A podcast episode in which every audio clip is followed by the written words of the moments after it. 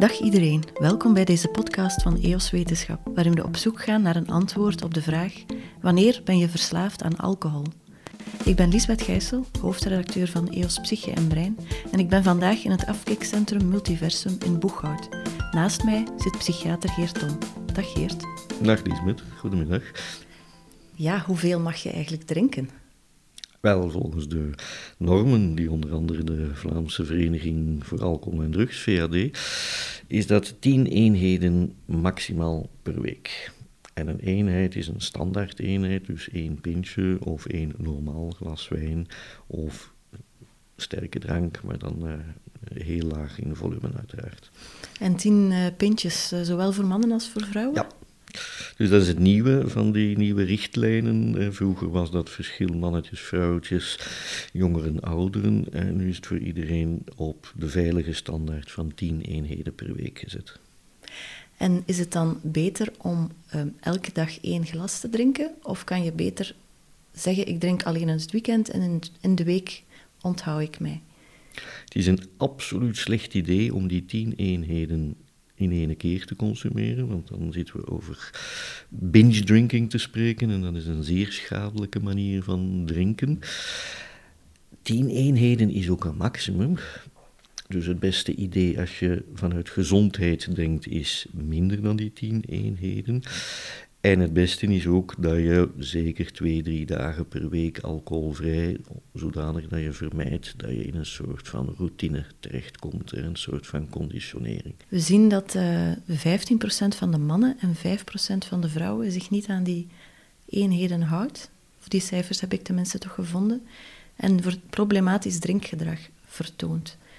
Van waar komt eigenlijk dat verschil tussen mannen en vrouwen? Er zijn vele redenen voor. Enerzijds, verslaving is altijd aan mannen gekoppeld, altijd ook, ook, drugsverslaving is, is, komt meer voor bij, bij mannen. En dat heeft mogelijk te maken met dat mannen zich wat gemakkelijker gaan engageren in, laten we zeggen, wat grensoverschrijdende dingen, een beetje wat men noemt externaliserende gedragsproblemen. Uh, doorheen de geschiedenis ook een beetje. Uh, maar ik denk het belangrijkste hierbij is de vaststelling dat dat stap voor stap aan het veranderen is, dat man-vrouw verschil. Uh, als we kijken naar de laatste heel grote studies wat betreft alcoholgebruik en we kijken naar de evolutie van de laatste tien jaar, zien we dat alcoholproblemen bij vrouwen verdubbeld zijn. En, en bij mannen stabiel gebleven zijn. Het is dus op het einde van de rit op dit moment nog altijd wat meer bij mannen dan bij vrouwen. Maar er is een, een behoorlijke inhaalbeweging bezig die mij wat zorgen baart. En hoe komt dat dan, dat vrouwen de mannen inhalen? Waarschijnlijk omdat vrouwen ook meer en meer so-called mannelijke gedragspatronen overnemen. Men gaat meer werken, men komt meer buiten. Uh, werk, meer sociale omgeving zijn heel vaak alcohol gerelateerd. Dus er zijn veel meer gelegenheden. De culpabilisering is, is wat weg. Hè. Vroeger, en dan spreek ik over 30, 40 jaar geleden, drinken bij, bij dames en vrouwen werd toch een beetje scheef bekeken. Dus ook die sociale barrière die valt meer en meer weg. Dus zowel meer gelegenheid als minder sociale controle, minder sociale barrière zijn vermoedelijk factoren die eraan bijdragen. En we zien dat in heel de westerse wereld, zowel in, in Amerika als, als bij ons. Zeker ook bijvoorbeeld bij hoger opgeleide vrouwen, die dus een, ja, een erg vergelijkbaar sociaal werkpatroon hebben met, met mannen. Alcohol drinken wordt in onze maatschappij inderdaad als vrij normaal beschouwd. Um, maar wanneer moet je je zorgen beginnen maken? Wanneer ben je verslaafd? Verslaafd is zo'n. Dat begrip wordt meestal gebruikt voor de meest extreme vorm van problematisch gebruik. Hè.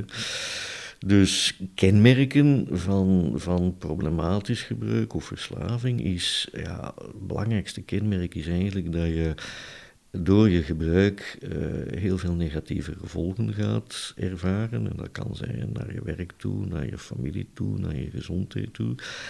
En dat je ondanks die negatieve gevolgen toch verder je gedrag blijft stellen. Dus dat je niet in staat meer bent om je gedrag, in dit geval je, je drinkgedrag, te, te gaan corrigeren, te verminderen. Dus blijven gebruiken ondanks negatieve gevolgen is een van de belangrijkste kenmerken. Een ander belangrijk kenmerk voor veel mensen is een intens verlangen naar alcohol te gebruiken. De, de zogenaamde roesting of, of craving naar alcohol. Dus als men niet drinkt, toch die drang voelen om, om, om te gaan drinken en onrustig te worden als, als, als er niet gedronken kan worden. Dus die craving is een ander heel belangrijk kenmerk. Hè. Dus als je die dingen begint op te merken en blijven gebruiken en ondanks dat je signalen krijgt dat het en een drang om toch. En een derde heel belangrijk criterium is, ik had gepland vanavond twee pintjes te drinken en het zijn er tien geworden of vijf geworden. Eh, wat men noemt controleverlies. En men gaat eigenlijk meer gebruiken dan dat men gepland had of afgesproken had.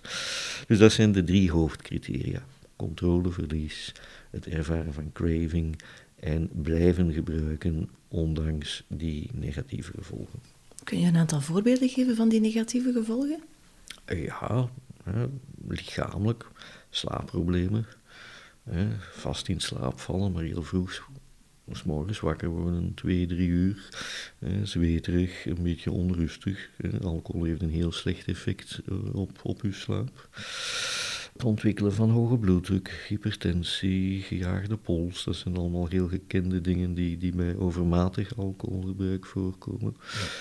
Echtelijke problemen, kort van stof worden, moeilijk, moeilijk in discussies thuis geraken, problemen, opmerkingen op het werk beginnen krijgen van aandacht, concentratie, soms alcoholgeur, morgens of, of in de loop van de dag, dreigend ontslag, uh, is moeten blazen onderweg en dan toch net positief geblazen en uw eerste rijverbod dus het kan op heel veel terreinen, lichamelijk, sociaal, familiaal, uh, op werkterrein. En het is extreem belangrijk om zo vroeg mogelijk die signalen op serieus te nemen.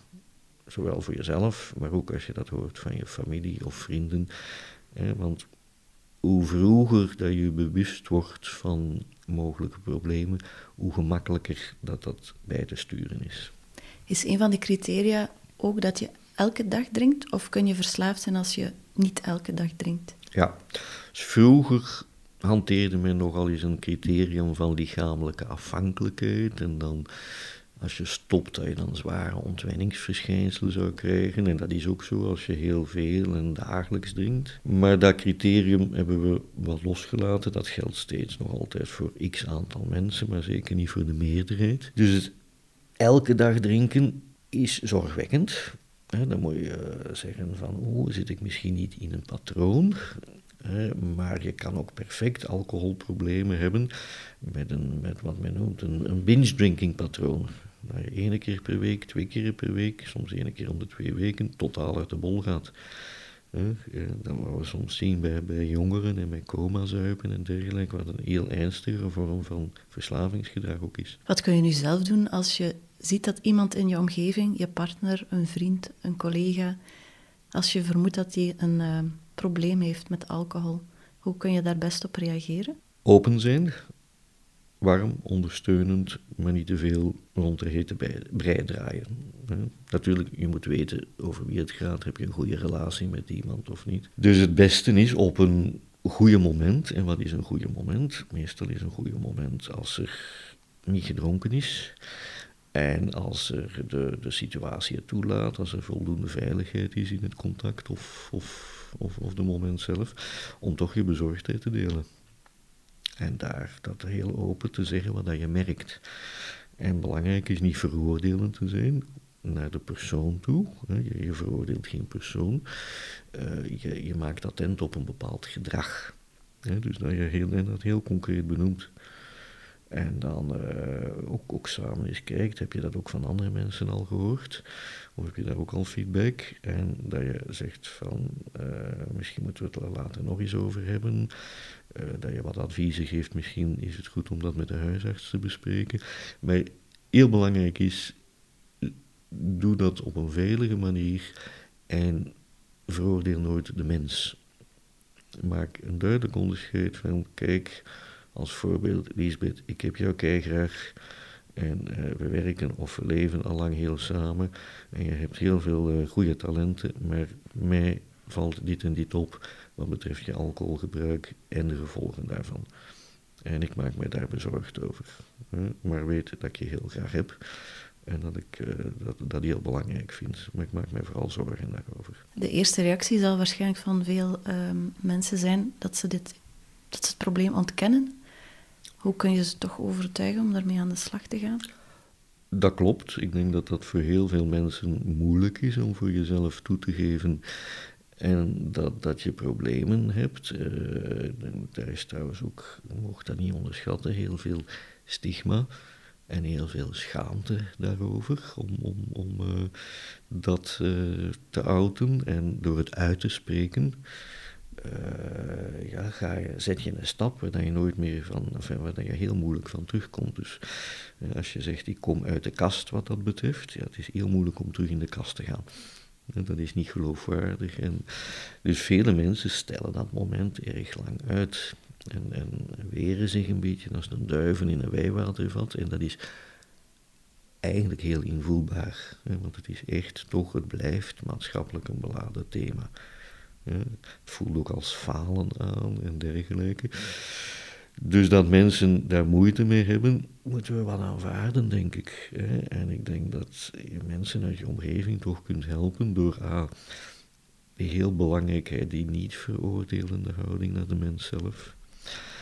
En ook beseffen dat het misschien met een eerste gesprek uh, niet direct zich oplost. Ja, maar dat je een stuk de tijd moet nemen en dat af en toe terug. En als dingen terug aan de orde zijn om het opnieuw te bespreken. Want heel dikwijls is de reactie well, een beetje verzet, maar toch zie je soms het gedrag de eerste dag of de eerste week veranderen, om dan nadien terug weer in een ouder patroon te vallen. Het is dan belangrijk om consistent te blijven en zeggen, kijk, we hebben het daar al eens over gehad en dat is dan weer even beter gegaan en nu weer terug. Dus ik, ik blijf mijn bezorgdheid wat houden. Is het ook niet een deel de eigen schuld? Want dat denk ik dat leeft ook wel in de maatschappij. Dat mensen niet genoeg wilskracht hebben om van die alcohol af te, te blijven? Dat stuk veroordeling, hè, en daar zitten we dan meteen aan een soort van veroordeling naar de mens, naar de mens zelf van, van, van je hebt te weinig wilskracht en eigenlijk zit hem aan een slappeling. Dat zit er zeker nog altijd bij. Dat is een van de motoren van, van, van, uh, van dat stigma, van, van dat veroordelen. En we blijven daar als maatschappij nog steeds zeer dubbel in. We blijven toch nog altijd ja, goed kunnen omgaan met alcohol en flink kunnen drinken of goede wijnkennis of iets dergelijks is, heeft een zeker maatschappelijk aanzien.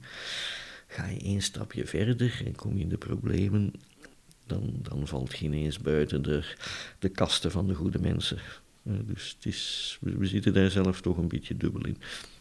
Waarom is de ene mens eigenlijk gevoeliger om uh, problematisch drinkgedrag te te ontwikkelen dan de andere? Zijn er factoren die je gevoeliger maken voor verslaving? Ja, dus ik denk uh, dat je een beetje moet rekenen dat van de 100% mensen die alcohol gebruiken, zo'n ongeveer 10 à 15% zijn die daarmee in de problemen komen. Waarom het net die 10, 15 procent zijn, dat heeft te maken met heel veel factoren. Dus het is niet zo dat iedereen die alcohol gebruikt, verre van, dat die alcoholverslaafd gaat worden. Gelukkig maar. Hè. We zien dat ook met druggebruik trouwens. Het is niet iedereen die cannabis gebruikt, die verslaafd gaat worden aan cannabis. Nee, dat zal ongeveer een 6 procent van de mensen zijn die cannabis gebruiken. Hm.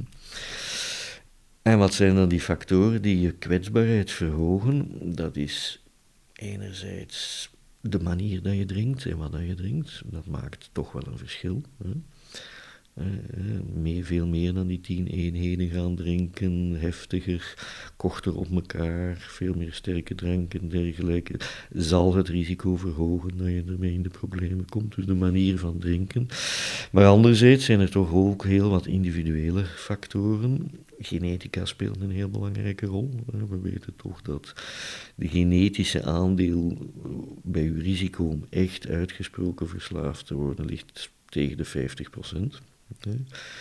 En dat is een heel complexe genetica. Er is niet één gen dat bepaalt dat je ja dan nee, maar dat is een samenspel van, van vele genen. uw eigen, laat ons zeggen, psychologische persoonlijkheidsvorm kan een rol spelen. Mensen die van nature heel laat ons zeggen, impulsief zijn van nature in hun karakter, elementen hebben met weinig zelfcontrole. En dat zie je soms van kinds af al, gaan het gemiddeld moeilijker hebben om hun gebruik onder controle te hebben. Maar ook mensen die een aanleg hebben tot depressie, heel veel te piekeren, angstig te worden, gaan om andere redenen dan gemakkelijker aan alcohol blijven plakken. Dus die, die wat men noemt intrapersoonlijke elementen, psychologische elementen zijn belangrijk. Sociale elementen zijn belangrijk. We weten bijvoorbeeld dat de impact van eh, langdurige werkloosheid op mannen groot is en verhoogt zeker bij mannen sterk hun risico op, op alcohol, de controle te verliezen, alcoholverslaafd te worden. dus armoede kan een bepaalde rol spelen, maar ook omgekeerd. We zien uh, dat in de westerse wereld hoger opgeleiden met relatief welstand, uh, dat die ook uh, meer gaan gebruiken en dus ook een, een iets hoger risico gaan hebben voor, voor alcohol. Uh, dus je hebt dat hele complex van factoren die bij de meeste mensen zeer individueel is. Bij de ene is het meer genetica, bij de andere is het, zijn het dan alle andere dingen die maken dat je al dan niet meer kwetsbaar bent om de controle over je gebruik te gaan verliezen.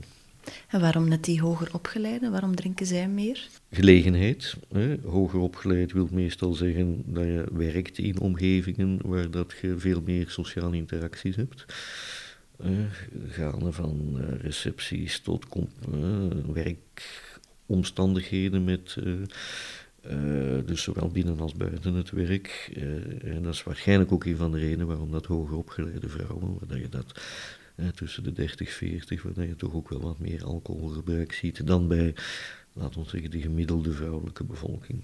Dus uh, de zakenlunch, de receptie, netwerk. Bijvoorbeeld, wel, ik heb zelf nu al een tijdje geleden, en dat is ongeveer acht jaar geleden, is een, een studie gedaan om eens te kijken naar hoe zit het alcoholgebruik bij de Belgische medische specialisten.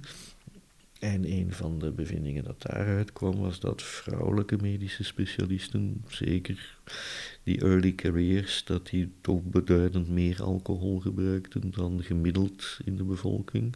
Een andere bevinding was ook dat oudere collega's, hè, uh, mijn leeftijd dus, de, de oudere babyboomers, of de, dat die ook gemiddeld veel meer alcohol gebruikten dan bijvoorbeeld de jongere mannelijke collega's. Hè. Dus er zijn bepaalde dynamieken uh, gaan. Hè.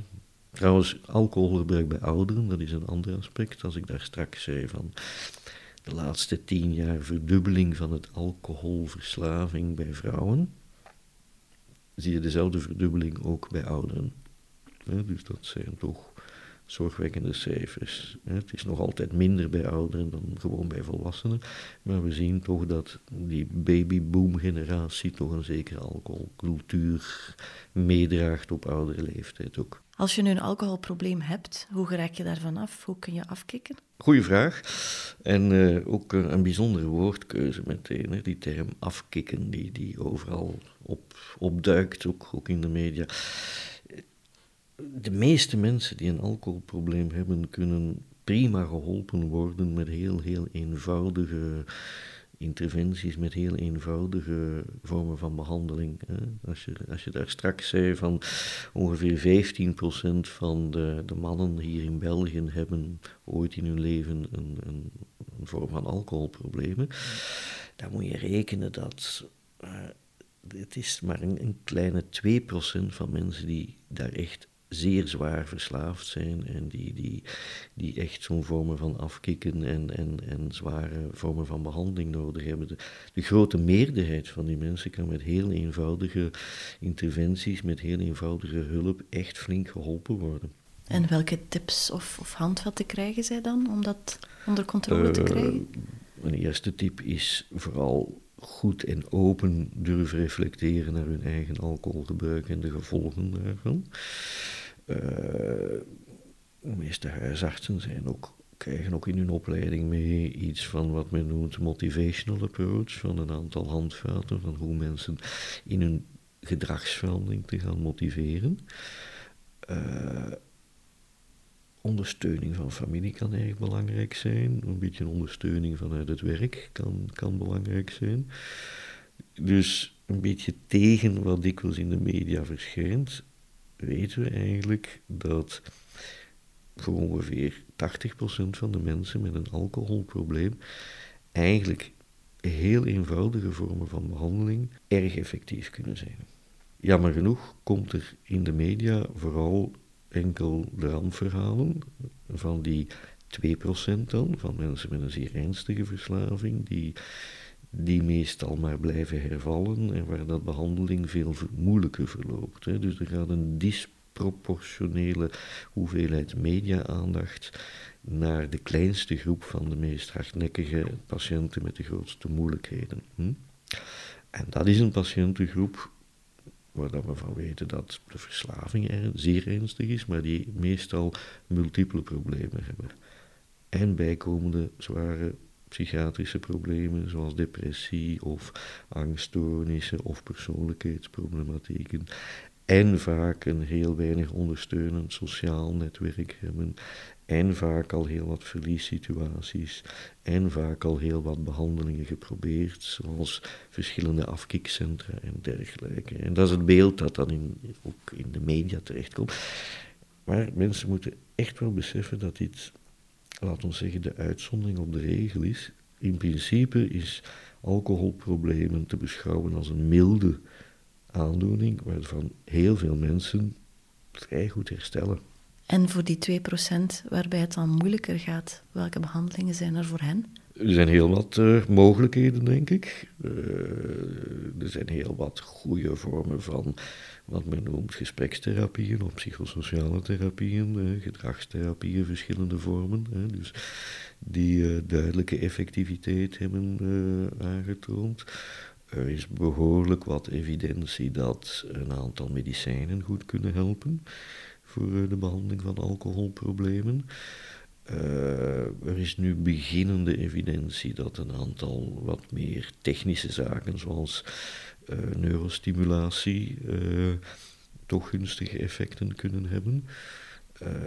voor mensen met heel uitgesproken problemen kan opname in afkikcentrum uh, detoxkliniek toch een nieuwe start betekenen om, om hun problemen dan verder wat beter onder controle te krijgen. Dus er is behoorlijk wat, de, de evidentie dat dat soort behandelingen redelijk werkt, is, is toch wel consistent.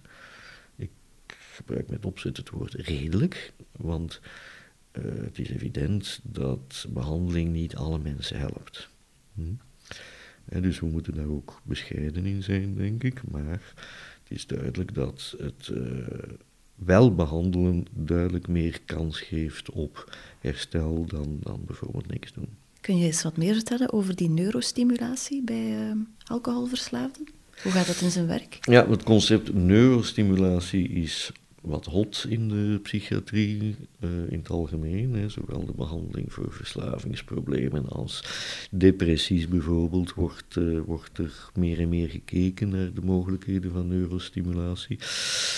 De twee meest gebruikte vormen zijn op dit moment of wat men noemt trans, uh, craniële magnetische stimulatie. Dat wil zeggen dat men via een uh, magneet, uh, en die wordt dan traditioneel boven het voorhoofd gehouden. dus dit zijn geen behandelingen waar dat men in het brein iets gaat doen. Dit zijn behandelingen die geen ingreep vragen of dergelijke, maar dat men gedurende een half uur, een uur of, of korter via uh, zwakke magnetische golven toch de werking van het brein, en dat is dan meestal het voorste deel van het brein, uh, probeert te beïnvloeden in twee richtingen, of te stimuleren uh, of een aantal functies eerder uh, te doen afnemen, te inhiberen. En hetzelfde kan men doen door ook een lichte uh, elektrische stroom, en dan noemen we dat direct current stimulation, door het brein te laten gaan, meestal ook de voorste delen van het brein, diegenen die onder u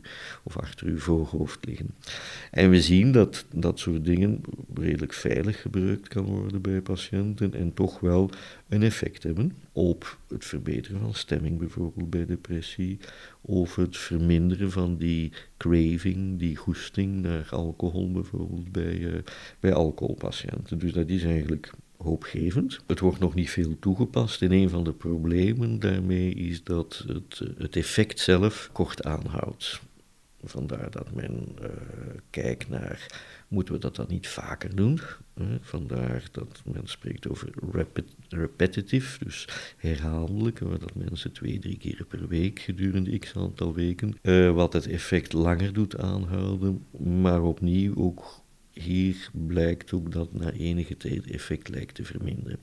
Dus dat zijn veelbelovende technieken, maar die ook geen mirakeloplossingen zijn. Dus we moeten daar realistisch in zijn en ook waarschijnlijk in de toekomst gaan kijken bij dit soort behandelingen. Zijn dat geen goede bijkomende behandelingen die ook samen met een langer lopende gedragstherapie of dergelijke uiteindelijk op lange termijn uh, betere effecten gaan geven dan de huidige behandelingen. Gaat het er dan over om het uh, brein soort van te herstructureren met die uh, behandeling? Het doet een soort van reset van het brein? Wel, reset klinkt nogal dramatisch en blijvend. Terwijl ik net probeer te zeggen van ja, de, effecten zijn tijdelijk. Dus ja, het doet zeker iets met het brein. Hè. Het, het, verandert tijdelijk bepaalde activiteiten in een aantal hersencircuits. Een aantal worden afgeremd in hun activiteit, een aantal worden gestimuleerd.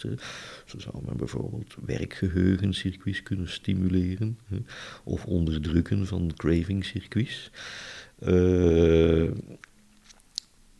dus het gaat in de richting van het beïnvloeden van die processen, maar een reset in de zin van je drukt op een knop en je houdt hem acht seconden in en je iPhone of whatever is gereset in fabrieksinstellingen. Nee, het is veel minder invasief dan dat. Uh, wat ook goed is. want het is ook belangrijk over de veiligheid te denken. En men moet dus dit soort dingen met veel voorzichtigheid doen. Op een manier dat het een kleine verandering aanbrengt. Die toch klinische symptoomgevolgen heeft.